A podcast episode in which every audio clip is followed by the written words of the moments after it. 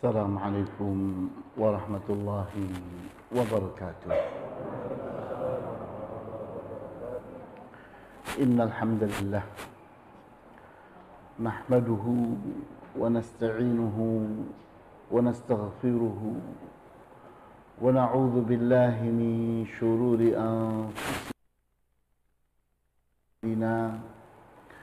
من يهده الله فلا مضل له ومن يضلل فلا هادي له. وأشهد أن لا إله إلا الله وحده لا شريك له. وأشهد أن محمدا عبده ورسوله لا نبي بعده. نصلي ونسلم على رسولنا الأمين وعلى آله وأصحابه ومن تبعهم بإحسان إلى يوم الدين. وبعد. Ikhwani wa akhwati الدين din, الله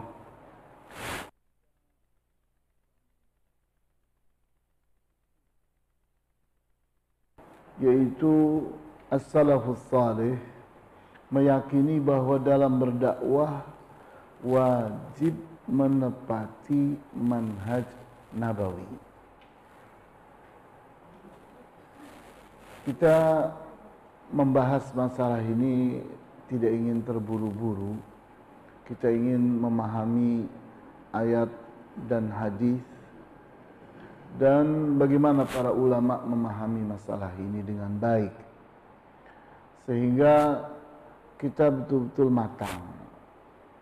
Oleh karena itu, yani saya akan usahakan untuk setiap slide itu kita betul-betul memahami bagaimana ayat itu arahnya ke mana, bagaimana memahaminya, agar tidak timbul salah paham.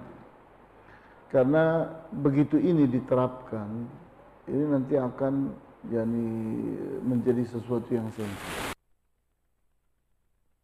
Nanti akan muncul masalah-masalah.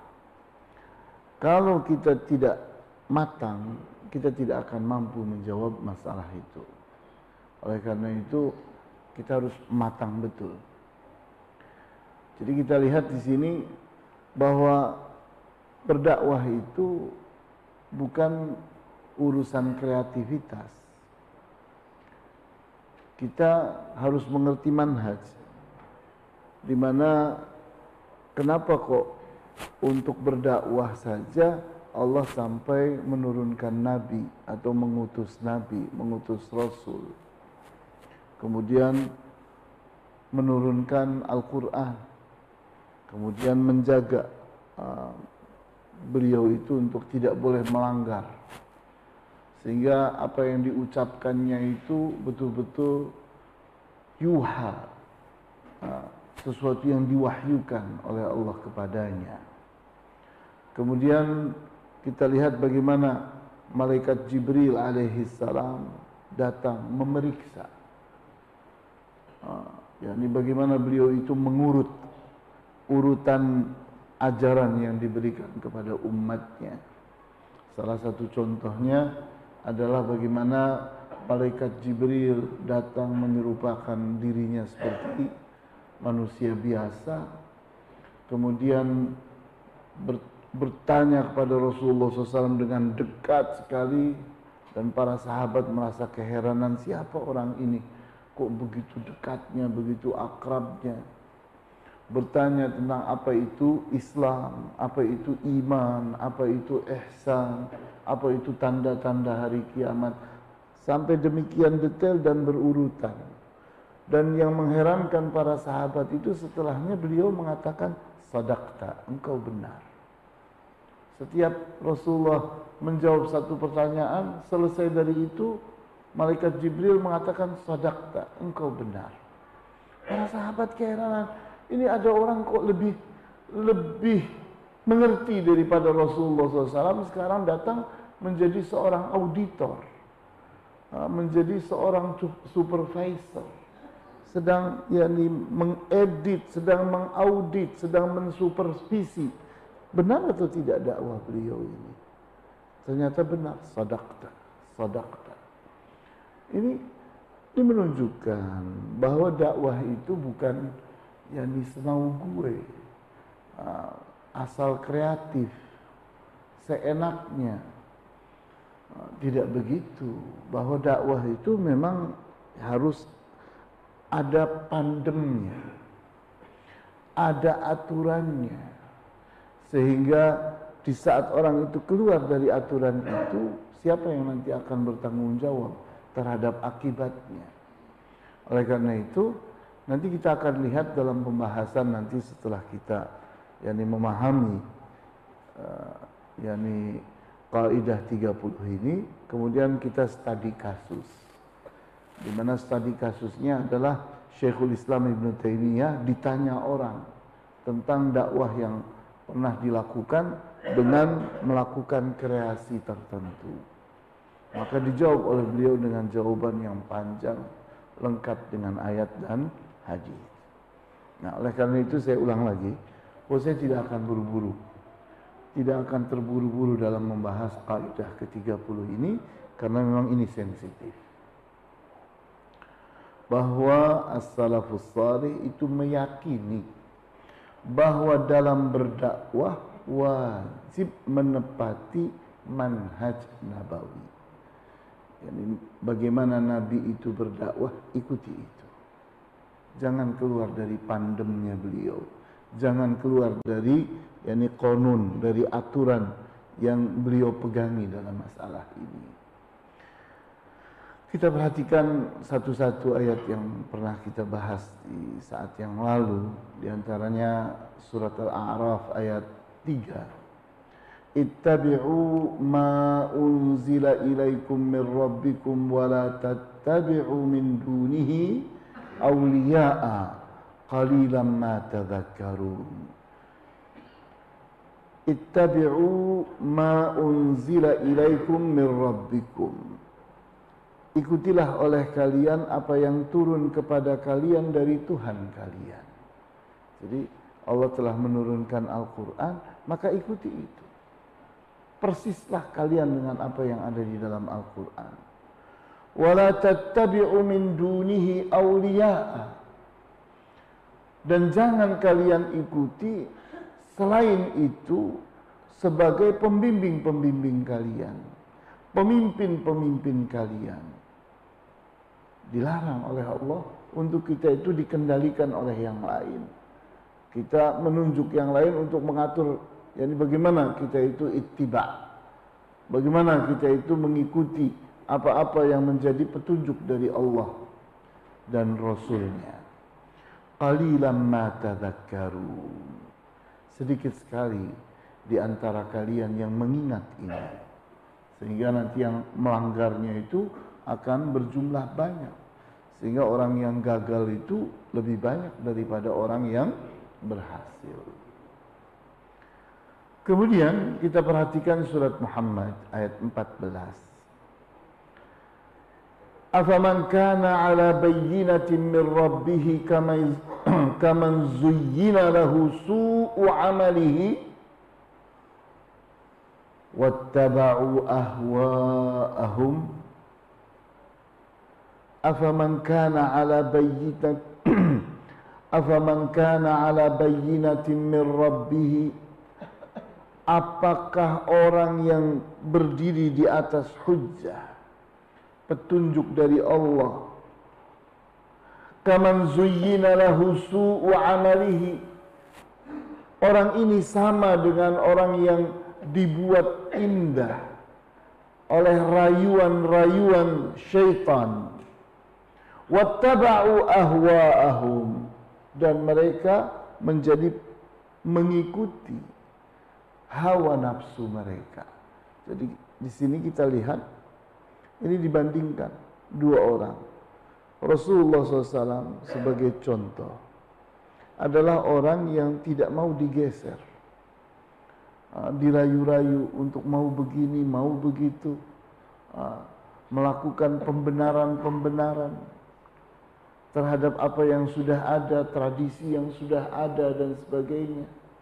Ah, sehingga yakni kita pada saat yang lalu pun pernah membahas tentang beda antara mudahana dengan mudarah. Mudahanah itu seseorang uh, yakni karena ingin mendapatkan simpati dari orang, maka agama itu dibuat kendur, disesuaikan dengan maunya orang supaya orang senang. Yang dirubahnya apa? Yang disesuaikannya apa? Agama. Agama dibuat dibuat pas dengan maunya masyarakat. Itu mudahana. Tapi mudarah itu adalah kita buat orang. Kita korbankan dunia untuk menyenangkan orang supaya mereka menyesuaikan diri dengan agama. Itu mudarah. Nah, kita lihat Rasulullah SAW itu kalau dalam hal dunia itu sangat obral. Selesai dari perang Hunain, perolehan ontanya sampai beribu-ribu ekor, perolehan yakni kambingnya beratus ribu ekor. Kemudian yakni datanglah para pemuka masyarakat kepada beliau itu tidak tanggung-tanggung. Setiap satu pemuka masyarakat itu dikasih yakni 100 ekor kambing, 50 ekor onta, satu orang. Antum kalkulasi coba. Kita anggap bahwa seekor sapi itu sama dengan seekor onta, yakni sapi itu 15 juta, maka onta kita anggap 15 juta. Padahal onta itu lebih mahal karena lebih lebih besar. Kita anggap 50 ekor satu orang diberi oleh Rasulullah SAW. Kalikan 15 juta kali 50. Berapa itu? Hah? Hah? 150 juta kali 5 kan gitu. Iya enggak? 150 ah, apa 15 juta dikali 50. Nolnya kasihkan ke ke apa namanya 15 juta itu jadi 150 juta. Kemudian kali 5 750 juta. Satu hampir satu M nah, buat seorang pemuka masyarakat. Ada yang dikasih 100 ekor kambing. Kita anggap seekor kambing 3 juta rupiah. 100 ekor berarti berapa? 300 juta. Itu sekali ngasih. Dikorbankannya dunia. Untuk apa? Untuk tertarik kepada Islam. Ini namanya mudaroh. Boleh kita melakukan. Bahkan zakat. Salah satu salah satu asnaf zakat yang delapan itu adalah al-mu'allafati qulubuhum. Orang yang sedang dijinakkan jiwanya. Jadi kita beri zakat walaupun kafir. Walaupun orang itu kafir, kita beri uang zakat Ha? Karena memang itu dibenarkan, itu Al-Quran. Untuk apa? Untuk tertarik kepada Islam. Nah, jadi kita korbankan dunia untuk orang itu mau menerima Islam.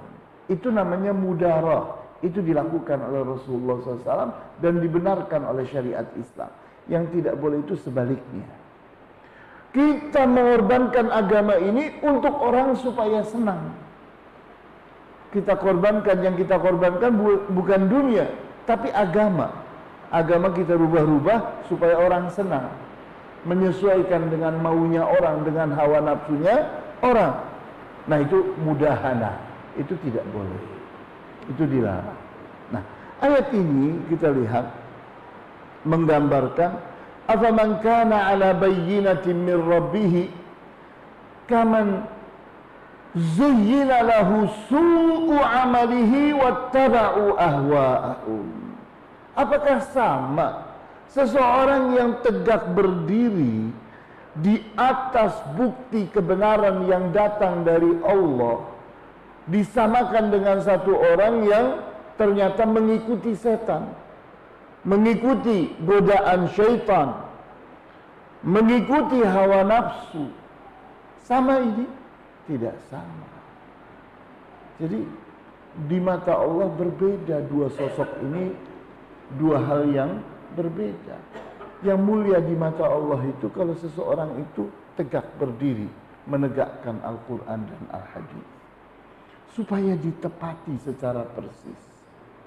Sehingga kita lihat apa bedanya seorang pemimpin yakni dipuji oleh Allah dengan urutan nomor satu itu adalah khilafah atau khalifah ala manhajin nubuwah khalifah yang ber, berdiri dengan manhajnya Nabi jumlahnya terbatas sehingga para ulama pun mengatakan mereka hanya empat orang Abu Bakar, Umar, Uthman, Ali kalau mau ditambahi satu lagi adalah Umar bin Abdul Aziz Nah, terus bagaimana dengan Muawiyah?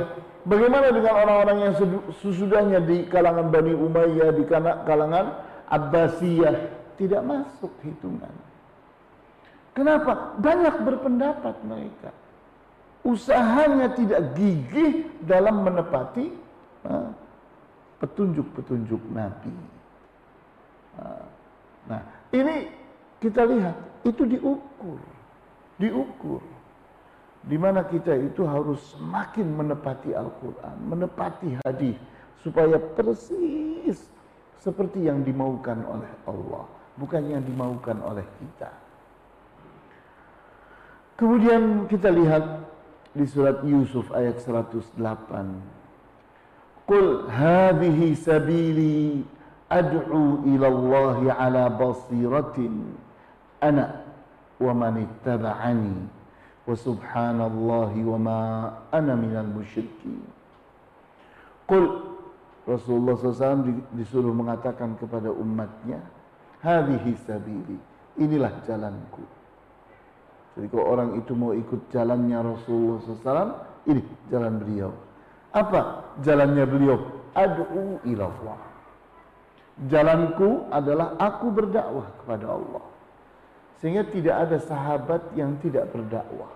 Tidak ada. Kalau antum hitung jumlah para sahabat yang dikubur di Baqi itu cuma ratusan orang. Ke mana beribu-ribu para sahabat itu? Ada yang meninggalnya di Afghanistan, ada yang di Cina, ada yang di Eropa Timur, dan seterusnya dan seterusnya. Banyak di antara mereka yang eh, dikuburkannya di Afrika. Kenapa? Karena mereka semua berdakwah. Silahkan Anda jadi pedagang, tapi berdakwahlah. Silahkan Anda jadi dokter, tapi berdakwahlah. Silahkan Anda jadi petani, tapi berdakwahlah. Ikuti Rasulullah SAW. Semua orang harus berdakwah. Sehingga Rasulullah mengatakan, Balighu anni walau ayat. Sampaikan dariku walaupun cuma satu ayat. Islam ini akan kembali jaya kalau kita itu menerapkan itu. Di saat umat ini semua berdakwah, umat ini peduli semuanya kepada penerapan Al-Quran dan As-Sunnah. Kalau semua orang peduli, semua muslim peduli, akan kembali kejayaan itu. Tapi kalau semua orang sibuk dengan dunianya, sehingga berdakwah, ah dakwah sih urusannya ulama kita bilang kamu tidak sesuai dengan jalannya Rasulullah. Rasulullah bilang, "Qul hadhihi sabili." Ini jalanku. Apa jalannya beliau? Aku. Kemudian ditegaskan lagi, anak wa manittaba'ani. Ini aku dan ini orang-orang yang mengikutiku. Jadi kalau kita mengikuti Rasulullah, kita berdakwah. Berdakwahnya bagaimana? Rasulullah terangkan, ad'u ilallahi ala basirah. Aku ini berdakwah mengajak orang kepada Allah dengan basirah. Basirah itu dengan nilai yang benar. Dengan kebenaran, dengan ilmu, dengan keyakinan, sesuai dengan Al-Quran, sesuai dengan Al-Hadis, bukan asal-asalan. wa subhanallah dan maha suci Allah wa ma ana minal musyrikin dan aku tidak tergolong di antara orang-orang yang musyrikin membesar-besarkan siapa pun kita alhamdulillah tidak terjebak di dalam syirik akbar tapi kita terjebak di dalam syirik asghar alhamdulillah kita tidak menyembah berhala alhamdulillah tapi kamu riya ah sama itu syirik juga itu syirik juga. Nah, kita tidak sadar. Kalau antum ditanya, syirik asghar itu dosa besar atau bukan? Apa jawab antum? Hah? Dosa besar. Dosa besar atau, atau dosa kecil? Nah, antum bilang dosa besar memangnya ada itu di 70 dosa-dosa besar? Hah? Hah? Jadi ada di 17 dosa 70 eh, dosa-dosa besar. Ada? Ada. Di urutan nomor berapa? Hah? Hah? Iya, di urutan nomor berapa berarti? Nomor satu. Nah, antum melihat bahwa ini kesalahan yang kita harus pahami dengan baik bahwa asyirkul asghar itu artinya bukan syirik kecil. Salah itu. Para ulama itu sudah pas banget dalam menggunakan istilah yang itu disebut akbar, yang ini disebut asghar. Akbar itu artinya apa? Hah? Besar? Kalau besar itu kabir. Ini akbar lebih besar. Asghar itu artinya apa? Lebih kecil. Artinya dua-duanya syirik, sama saja. Ini syirik, ini syirik. Ini lebih besar, ini lebih kecil. Sehingga kalau antum ditanya, ria itu dosa besar atau bukan? Jawabnya dosa besar. Urutannya di mana? Di dosa-dosa besar yang 70, di nomor satu. Nah, kalau begitu apa bedanya asyirkul akbar dengan asyirkul asghar? Bedanya. Yang disebut akbar itu mengeluarkan orang secara otomatis dari Islam. Begitu seseorang menyembah berhala, langsung musyrik. Tapi orang berbuat syirkul asghar, contohnya ria, tidak keluar dia dari Islam. Tapi sholatnya batal. Sholatnya itu tidak diterima oleh Allah. Kenapa? Karena di dalamnya ada syirik. Jadi tidak main-main. Yang dirusak oleh asyirkul asghar itu adalah amal. Amal. Dosa besar. Maka jangan main-main. Ustaz, jadi kita kan cuman cuman mencari perhatian orang. Justru mencari perhatian orang itu riak. Kita jangan kalahkan Allah. Tetap kita itu mencari perhatian Allah. Manusia mau memperhatikan kita itu bukan tujuan. Silahkan saja. Tapi tujuan kita adalah bagaimana Allah itu menjadi tujuan kita. Hal-hal yang sederhana seperti ini penting untuk dipahami. Supaya kita itu betul-betul berdakwah itu sesuai dengan manhajnya Nabi sallallahu alaihi wasallam. Kemudian kita perhatikan surat Saba ayat 50. Qul in dalaltu fa innama adhillu ala nafsi wa in ihtadaitu fabima yuhi ilayya rabbi innahu sami'un qarib Qul Rasulullah SAW disuruh mengatakan kepada umatnya In balaltu kalau aku ini sesat kalau aku ini salah jalan fa innama adillu ala nafsi sesungguhnya aku ini sesat yang merugikan diriku yang rugi bukan Allah Allah tidak rugi ha? dan bayangkan Nabi Yunus alaihi salam berdakwah bertahun-tahun.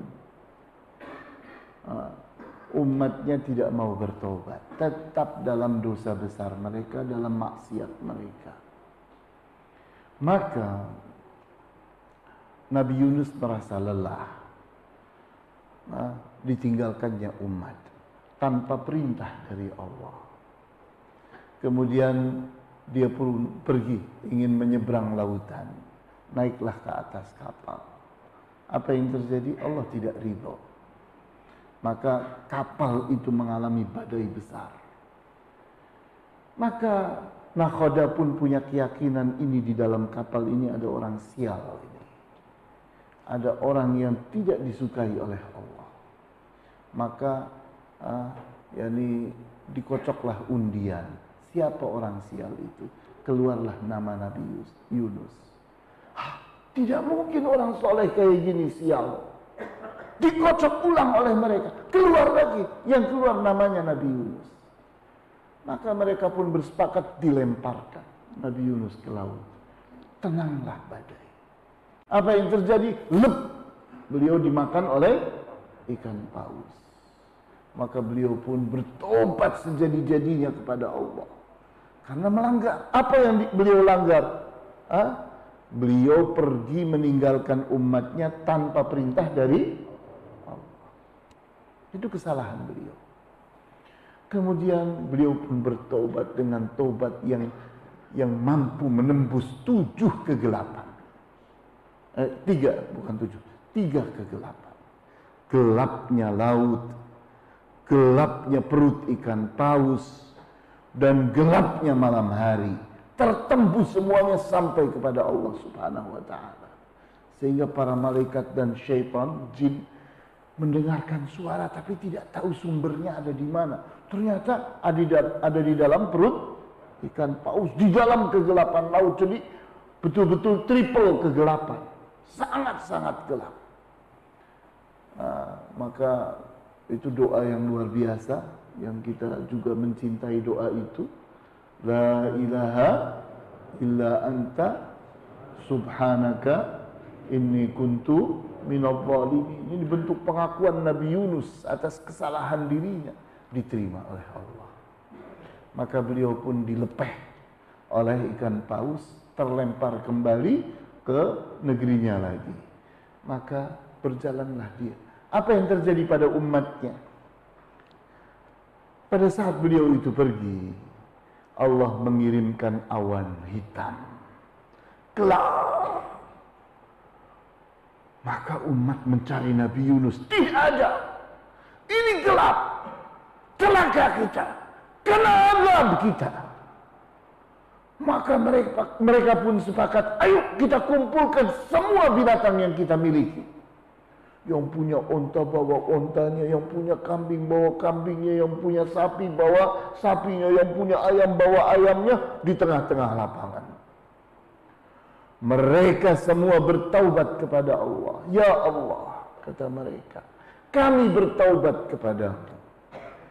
Kalau engkau tidak menyayangi kami, sayangi binatang-binatang yang lemah ini.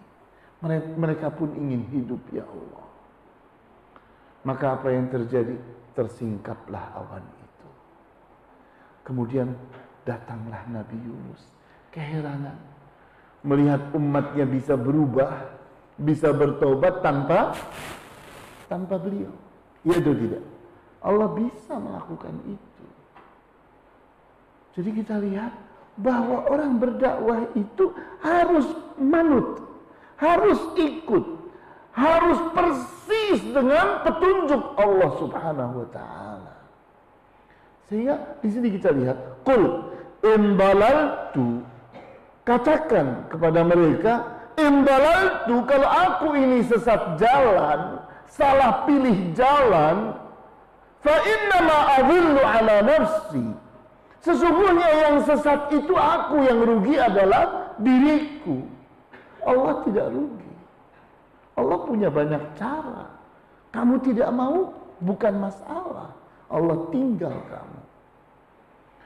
Wa ini tadaitu fabima yuhi ilayya rabbi. Dan kalau aku ini sesuai jalanku benar, itu memang karena Allah memberiku petunjuk. Tuhanku memberiku petunjuk. Innahu sami'un qarib. Sesungguhnya dia itu maha mendengar dan maha dekat. Jadi kita lihat berdakwah itu seperti ini. Jangan sampai sesat jalan.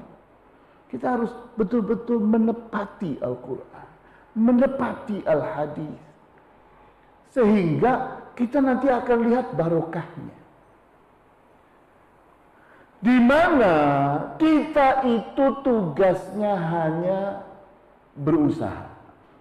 Adapun kesuksesan itu urusan Allah. Jadi orang memanah saja di saat yang berjihad di jalan Allah. Itu di surat Al-Anfal dikatakan wa ma ramaita id ramaita walakinallaha rama. Dan tidaklah engkau saat melempar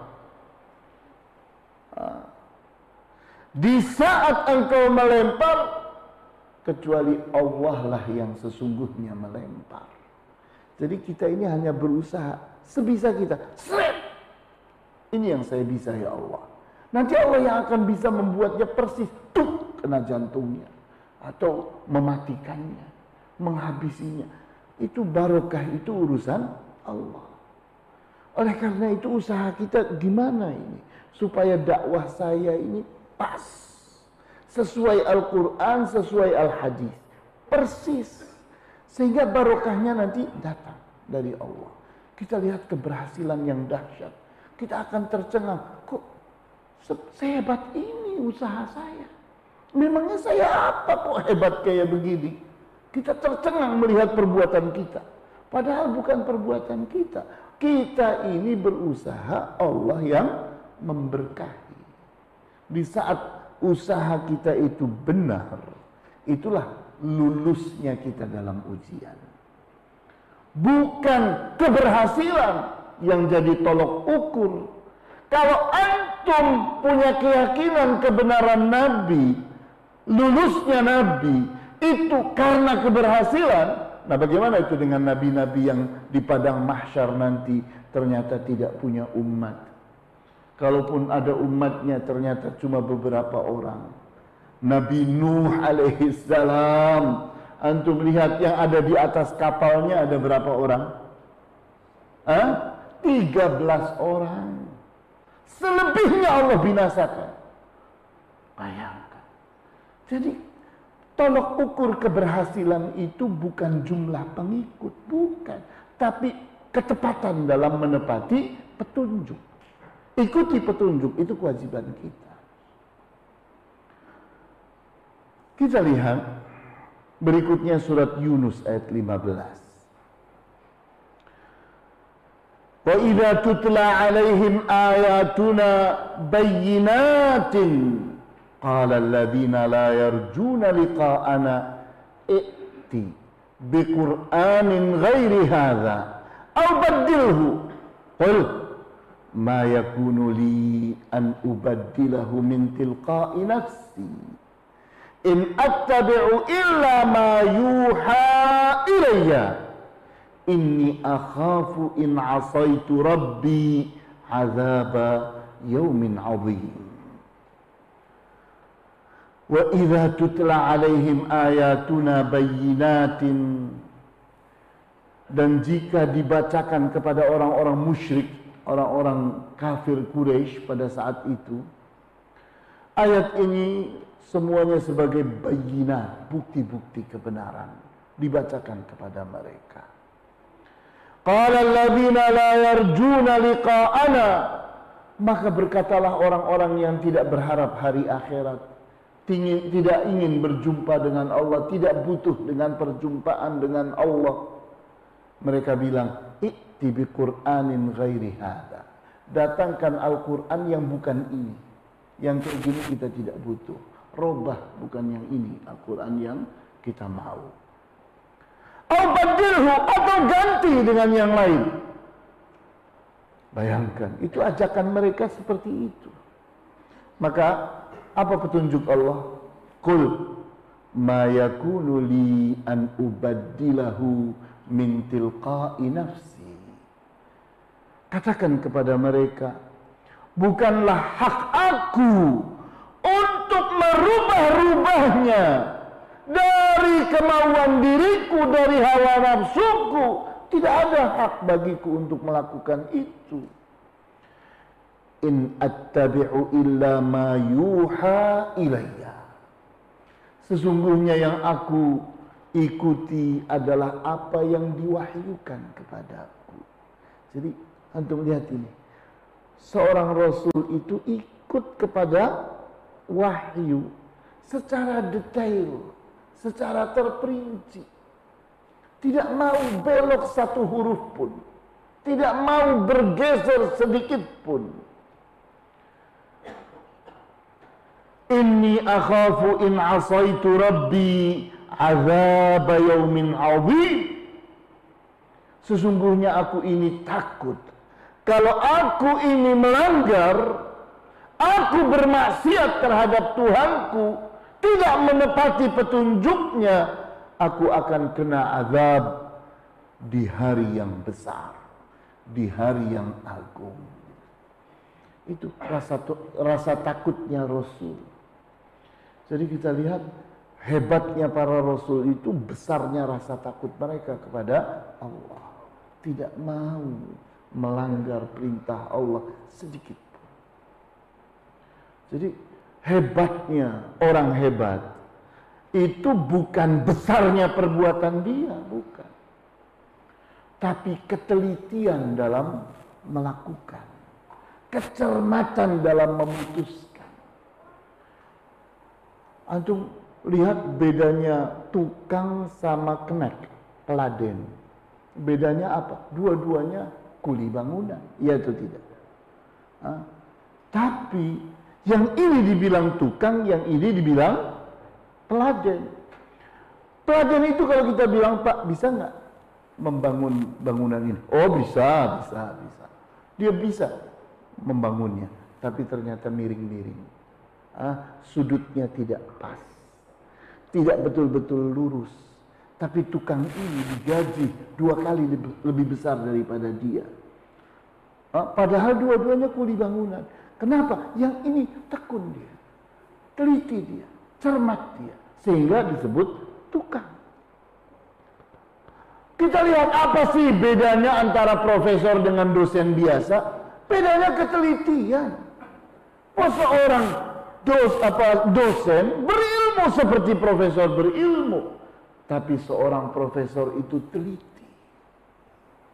Cermat dalam menyimpulkan. Bedanya cuma di situ. Nah, Nabi pun demikian.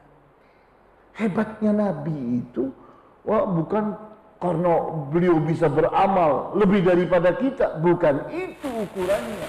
Bisa jadi ada orang-orang yang 24 jam kerjaannya sholat. Bisa jadi ada itu orang yang seperti itu. Apakah dia lebih baik daripada Nabi? Tidak. Bahwa Nabi itu sangat yang teliti dalam melakukan setiap amalan. Sehingga beliau itu bertakwa dalam setiap detail dari amal mereka. Mengikuti petunjuk di setiap detail dari amalan mereka. Bukan dari besaran amalnya. Tapi ketelitian dalam beramal kecermatan dalam memutuskan. Kemudian kita lihat godaan dan rayuan kepada para nabi itu tidak kurang-kurangnya untuk menggeser mereka itu dari menepati Al-Quran, menepati wahyu Allah. Kita perhatikan surat Hud ayat 12. فلعلك تارك بعض ما يوحى إليك.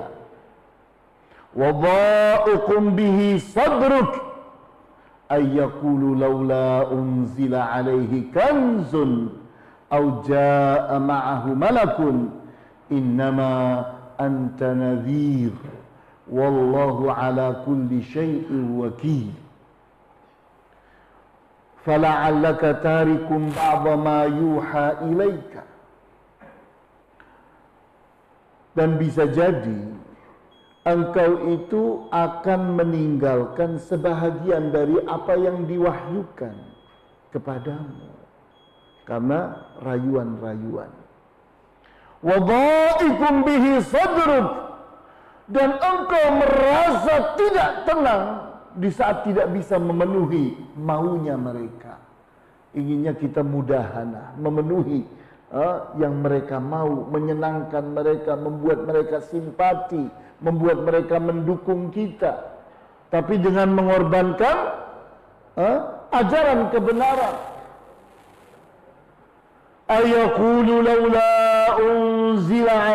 Kanzun di mana mereka berkata tidakkah datang kepada nabi itu satu peti harta benda?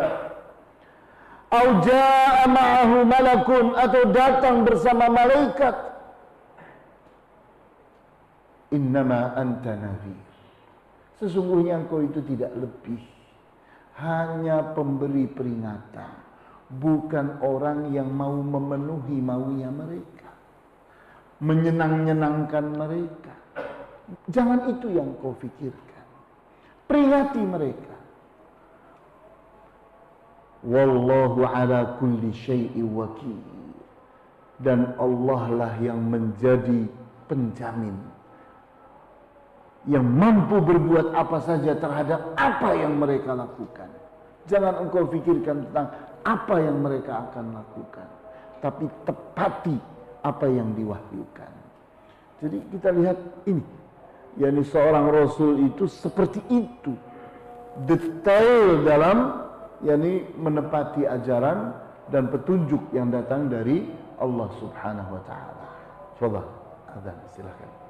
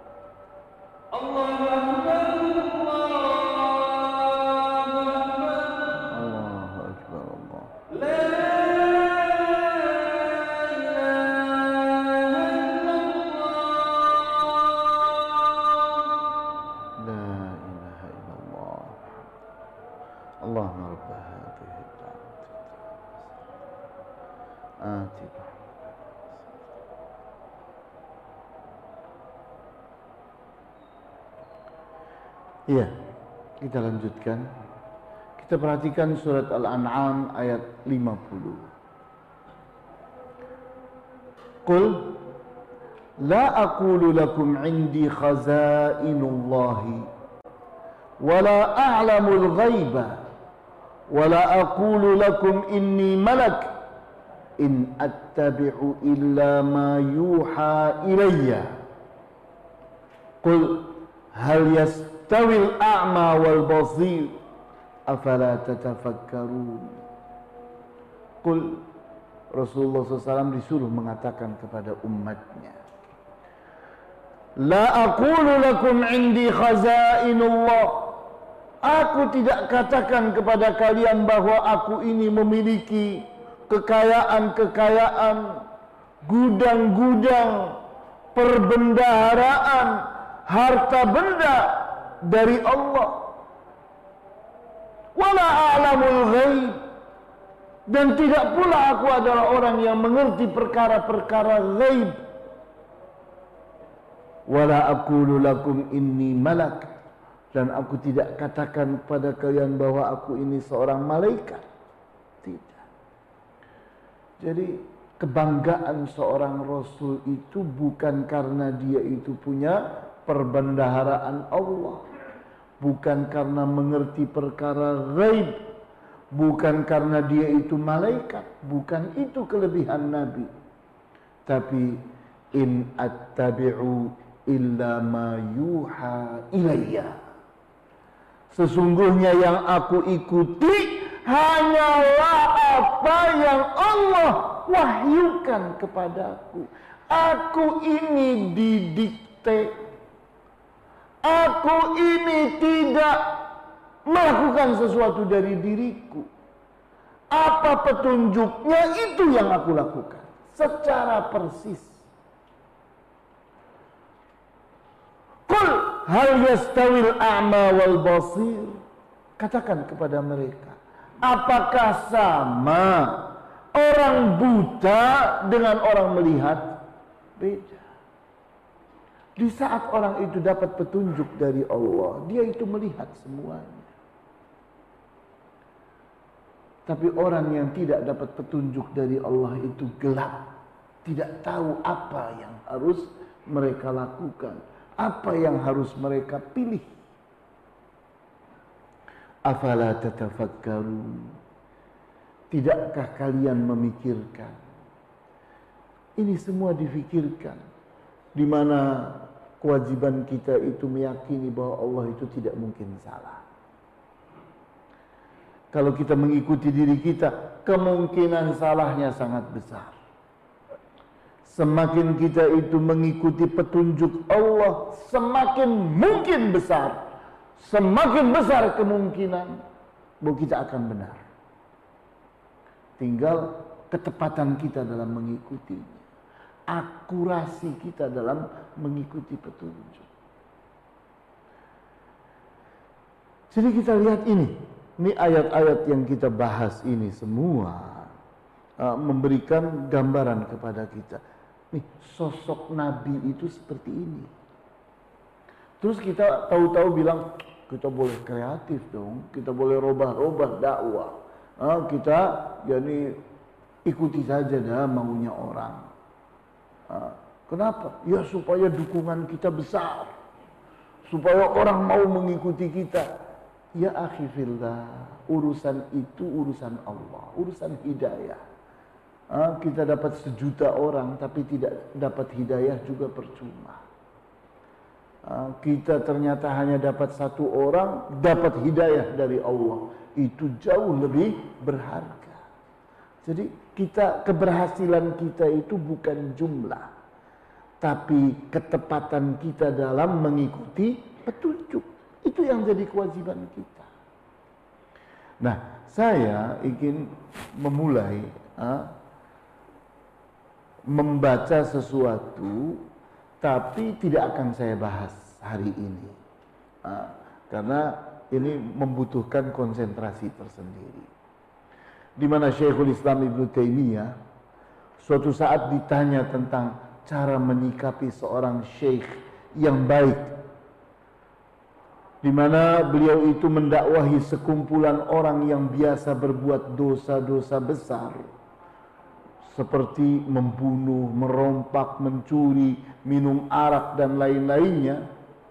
Dengan diajaknya mereka mendengarkan nasihat sambil mendengarkan nyanyian diiringi dengan rebana. Dengan cara ini, sejumlah orang dari mereka bertaubat, meninggalkan perkara haram dan melaksanakan kewajiban. Apakah cara seperti ini boleh dilakukan sedangkan cara yang mereka? Jadi ini bahwa ternyata berdakwah itu bisa dengan cara hiburan. Kita hibur orang. Hiburannya gimana? Ya kita nyanyi, ha? diiringi dengan rebana. Orang itu jadi senang berkumpul bersama kita sehingga mereka pun berubah, bertaubat. Apakah ini baik? Itu ditanyakan ini ada syekh yang ternyata dinilai berhasil. Bagusnya orang, sukses. Tapi apa yang terjadi? Uh, dijawab oleh Syekhul Islam Ibn Taimiyah. Alhamdulillahi Rabbil Alamin. Pada dasarnya dalam menjawab masalah ini dan yang serupa dengannya sebagai berikut. Uh, yang pertama, bahwa Allah mengutus Nabi Muhammad SAW untuk membawa petunjuk dan agama yang benar. Untuk dimenangkannya di atas semua agama. Maka cukuplah Allah yang menyaksikan. Allah telah menyempurnakan agama ini untuk nabinya dan umatnya sebagaimana tersebut pada firman-Nya ini. agama Islam itu telah sempurna. E, janji kebahagiaan untuk taat dan kesengsaraan atas pelanggar ini ayat-ayatnya. ini insya Allah kita akan bahas pada kesempatan yang akan datang.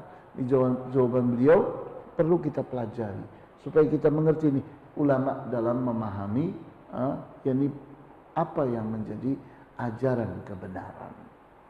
Di mana kita ini sering kali berhadapan dengan kenyataan ada tuntutan ini. Kita harus merubah-rubah agama supaya orang senang, supaya orang terhibur. Uh, tapi yang kita korbankan apa? Uh, agama yang kita korbankan. Nah, ini tidak dibenarkan. Kita lihat pada saat Rasulullah SAW mengutus, mengutus Mu'adz bin Jabal bersama Abu Musa al-Ash'ari untuk berdakwah kedua-duanya ke Yaman. Nah, itu kedua-duanya diberi wasiat dan wasiat itu wasiat terakhir. Karena mereka berangkat tidak lama lagi Rasulullah wafat. Sehingga perjumpaan yang terjadi pada mereka dengan Rasulullah SAW saat melepas mereka pergi ke itu adalah event terakhir perjumpaan mereka. Karena setelah itu tidak berjumpa lagi dengan Rasulullah SAW. Artinya kalau itu adalah sebuah ajaran, maka itu adalah sesuatu, sesuatu yang tidak berubah lagi. Rasulullah wafat tidak berubah lagi ajaran itu. Di mana kita lihat bagaimana Muadz bin Jabal disuruh mengurut dakwahnya. Kemudian mereka pun disuruh untuk yakni basyira wala tunafira. Senangkanlah orang, jangan engkau buat orang lari dari Islam. Yassira wala tu'assira Mudahkanlah Islam, jangan dibuat sulit. Nah, ini kita lihat pernyataan-pernyataan seperti ini bisa jadi salah pahami oleh orang, maka yang nanti hasilnya adalah agama ini dikorbankan supaya orang senang. Nah, ini yang salah. Ini yang salah. Contoh, contoh. Bagaimana Rasulullah SAW salat tarawih Salat tarawih itu tidak lain adalah salat tahajud bersama dengan salat witir, salatul lail, di mana salat itu panjang dan memberatkan. Tapi bagaimana? yakni salat itu kemudian dinamai dengan tarawih, salat yang santai, menyenangkan, padahal berat. Jadi apa bedanya tarawih dengan tahajud? Sama, sama saja. Memangnya ada yang berbeda? Ada ada bedanya salat tarawih dengan salat tahajud? Di mana salat tarawih itu diupayakan supaya orang tidak merasa berat. Dimulailah dengan salat itu dua rakaat yang ringan Qul ya ayyuhal kafirun Qul huwallahu ahad Tapi habis itu ayat-ayat yang panjang. Hah? Sesuai dengan kemampuan mereka. Sehingga kita lihat contoh di Al-Masjidil Haram dibuat ada dua macam. Silahkan. Yang setelah Isya ada ha, jumlahnya 23 rakaat dan ada yang malam 11 rakaat. Silahkan. Suruh pilih. Yang malam itu panjang banget. Ha? Bisa sampai hampir dua jam. Ha? Yang habis Isya itu bukan berarti pendek. Tidak kurang dari satu jam. Ha? Kurang lebih satu juz itu. Dua-duanya panjang. Hanya yang malam itu lebih lebih panjang. Tapi orang dibuat senang. Ada istirahatnya. Setiap habis berapa rakaat duduk ah, orang minum, mau ngobrol-ngobrol, mau santai-santai. Habis itu mulai lagi sholat lagi. Jadi apa bedanya? Apakah sholatnya dikorbankan untuk bikin orang senang? Tidak ada. Sholatnya tetap itu. Tapi kita buat orang itu menyenangi sesuatu yang sesungguhnya berat. Ya atau tidak? Ah? Atau mengatakan sesuatu yang benar itu kan berat, ya atau tidak? Tapi harus diucapkan. Maka cari jalan supaya yang berat ini bisa diterima orang. Tapi jangan dikorbankan, ah roba-roba sedikit supaya orang mau menerima. Jangan. Kebenaran jangan dirubah. Tapi cara engkau menyajikan, itu silahkan. Ah, tapi kebenarannya jangan dikorbankan. Petunjuknya harus di ditepati. Ya, silakan. Barangkali ada dialog.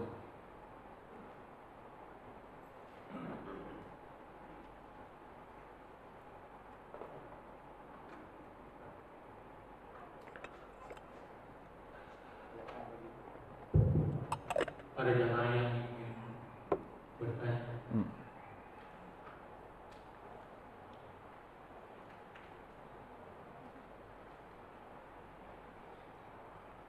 Assalamualaikum warahmatullahi wabarakatuh. Assalamualaikum warahmatullahi wabarakatuh. Ustaz, anak mau nanya kalau seperti dulu wali-wali Songo yang memasukkan Islam ke negeri kita ini, kan ada inovasi-inovasi Ustaz, ada pakai bimbing dan sebagainya. Dan itu kan menyalahi kepada daripada esensi tadi yang saya sampaikan. Gimana Ustaz itu? Apa eh, yang dilakukan oleh para wali Songo itu apa eh, menyampaikan dakwahnya itu menyalahi nggak Ustaz? Masih seperti Assalamualaikum warahmatullahi Assalamualaikum. Ya. Masalah kita yang paling besar itu adalah di saat kita bilang bahwa begitulah Wali Songo. Padahal Wali Songo itu sekian ratus tahun yang lalu. Apakah memang pasti Wali Songo kayak begitu cara dakwahnya? Tidak yakin kita. Nah, Apalagi sudah jauh ratusan tahun. Antum sekarang bicara tentang sejarah Soekarno saja. Hah? Jangankan Wali Songo, bicaralah tentang Soekarno. Ada banyak versi, iya atau tidak? Versi siapa ini? Nanti akan dibilang, oh ini versinya orang-orangnya Soeharto ini. Oh ini versinya orang-orangnya Soekarno dan sebagainya. Kan begitu. Ini kan sejarah Pak. Kelemahan bangsa kita itu kelemahan dalam hal sejarah. Bapak jangan heran. Kalau Bapak ingin mempelajari bahasa Jawa, itu uh, bukunya ada di mana, Pak? Di Belanda, Pak. Hah? kita ini tidak merawat sejarah. Hah? Belanda yang merawat sejarah. Yang menyusun kamus Jawa, yang menyusun yakni bagaimana kaidah-kaidah berbahasa Jawa yang baik dan benar, gramatikanya seperti apa. Justru orang Belanda yang melakukannya. Iya atau tidak, Pak? Nah ini kelemahan bangsa kita. Jadi kok dikatakan Wali Songo dulu begini, Wali Songo dulu kayak begitu, saya nggak percaya Pak. Nggak percaya. Nggak mungkin lah ada umat itu dibodoh-bodohi kayak begitu, dianggap bodoh. Aduh, saya pikir nggak mungkin. Nggak mungkin. Nah, mereka itu masa tidak ada tingkat keberhasilannya. Orang bertahun-tahun dianggap bodoh terus. Lah kapan ada peningkatan dalam hal amalan? Iya kan? Nah itu, saya tidak yakin itu Pak. Uh, maka yakni kalau saya ditanya tentang wali songo, insya Allah mereka itu para pendakwah.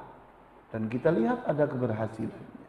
Tapi apakah dakwahnya mereka itu yakni seperti yang digambarkan oleh buku-buku sejarah yang ditulis oleh orang sekarang ini? Saya jawab tidak. Saya tidak yakin itu benar. Tidak yakin saya bahwa tulisan mereka itu benar apa yang ada di babad-babad itu itu yakni saya lihat banyak hal-hal yang tidak masuk di logika kebenaran Pak. Oleh karena itu, adalah daripada kita resiko membicarakan wali songo, uh, kita ikuti ini aja dah. Ya. ya. Ya. Silakan. Uh, silakan mikrofon.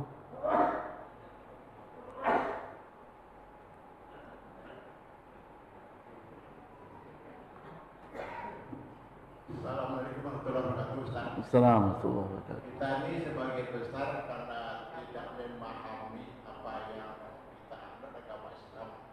Kita tuh jarang sekali untuk menghadiri di kita yang dilihat oleh Allah.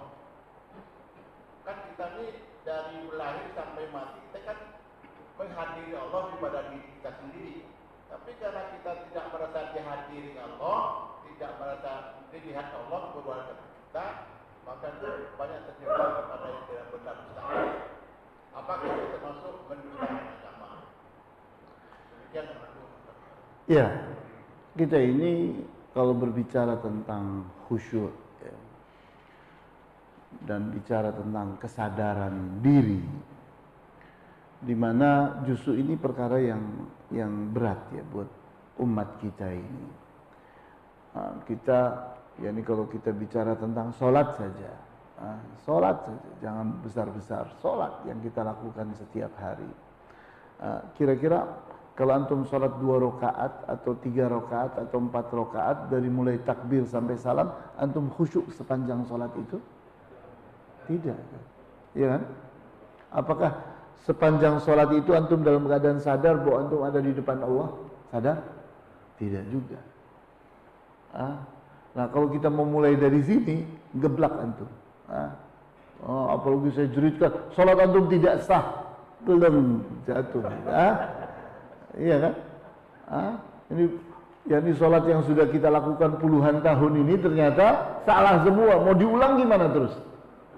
Nah, jadi uh, kita lihat ini memang masalah. Ini memang masalah.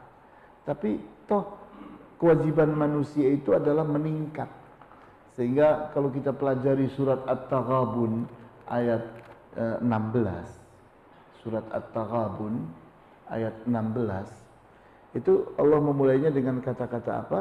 Fattakullaha mas was mastata'tum.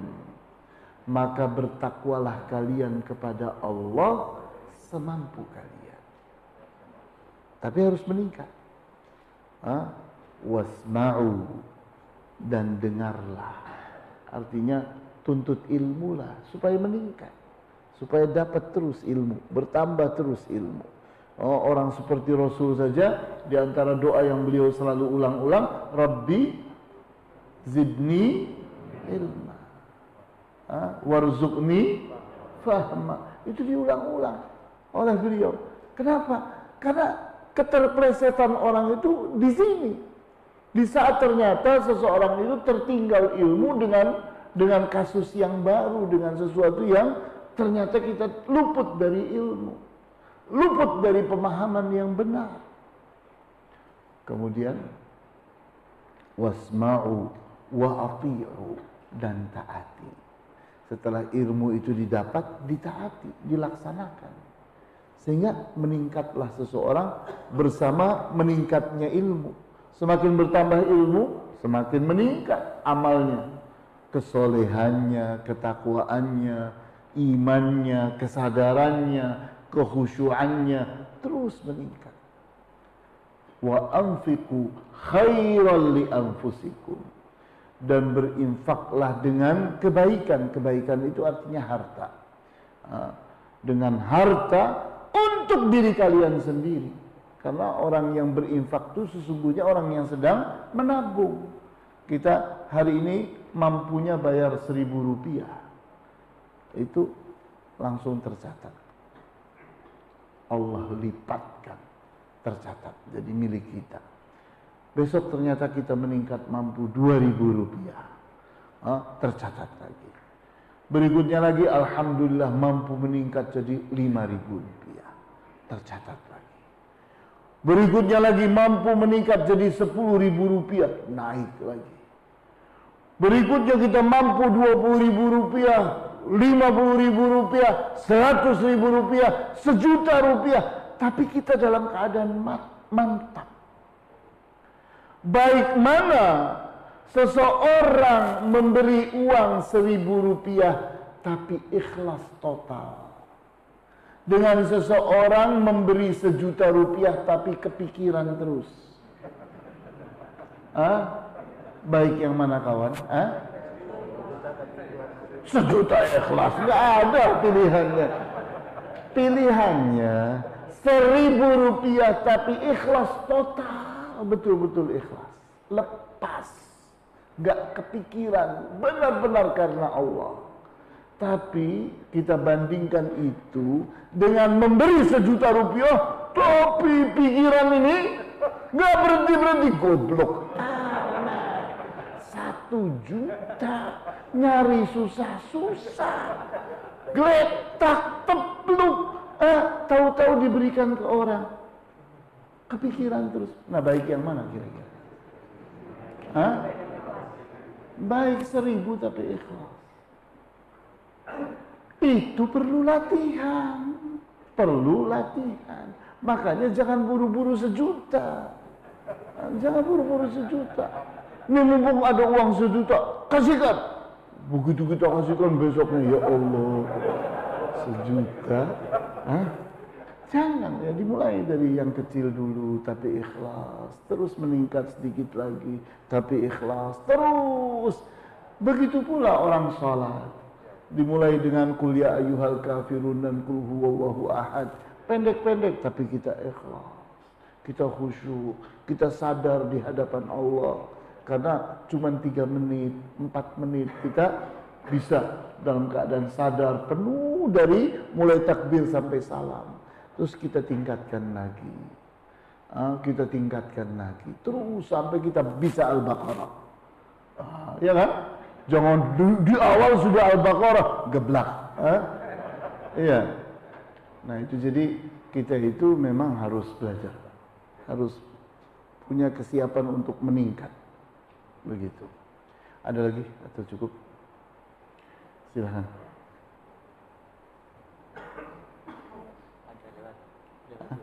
Ada, silakan.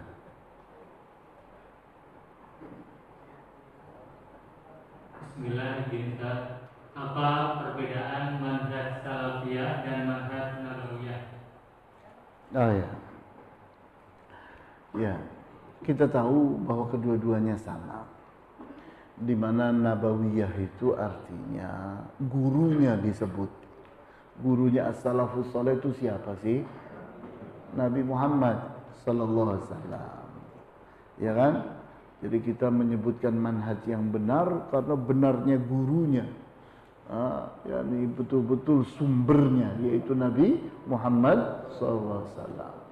Ah, kemudian, ah, yakni kita lihat ah, di saat kita itu berbicara tentang manhajnya Nabi, maka sudah tersaji berbentuk Al-Quran dan Al-Hadis. Ya kan?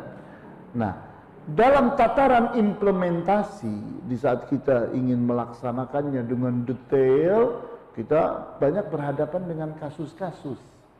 Tapi nabinya sudah wafat ya kan? Yang menghadapinya siapa?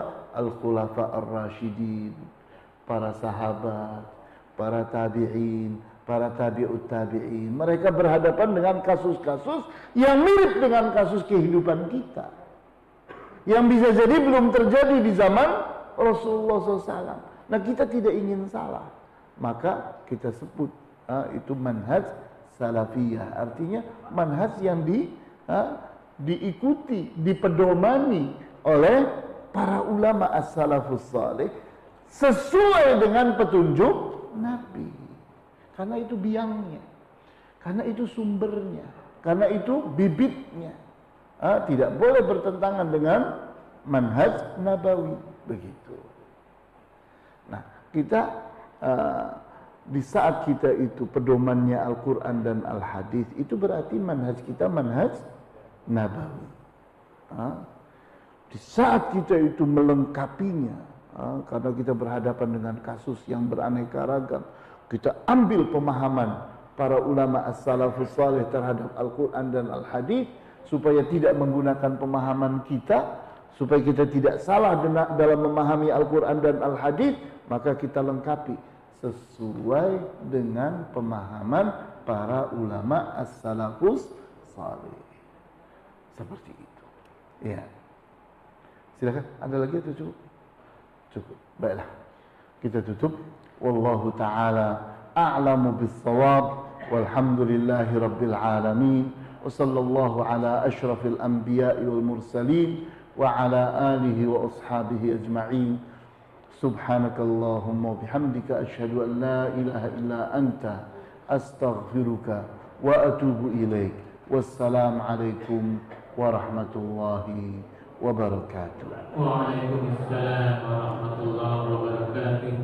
شكرا جزاكم الله خيرا.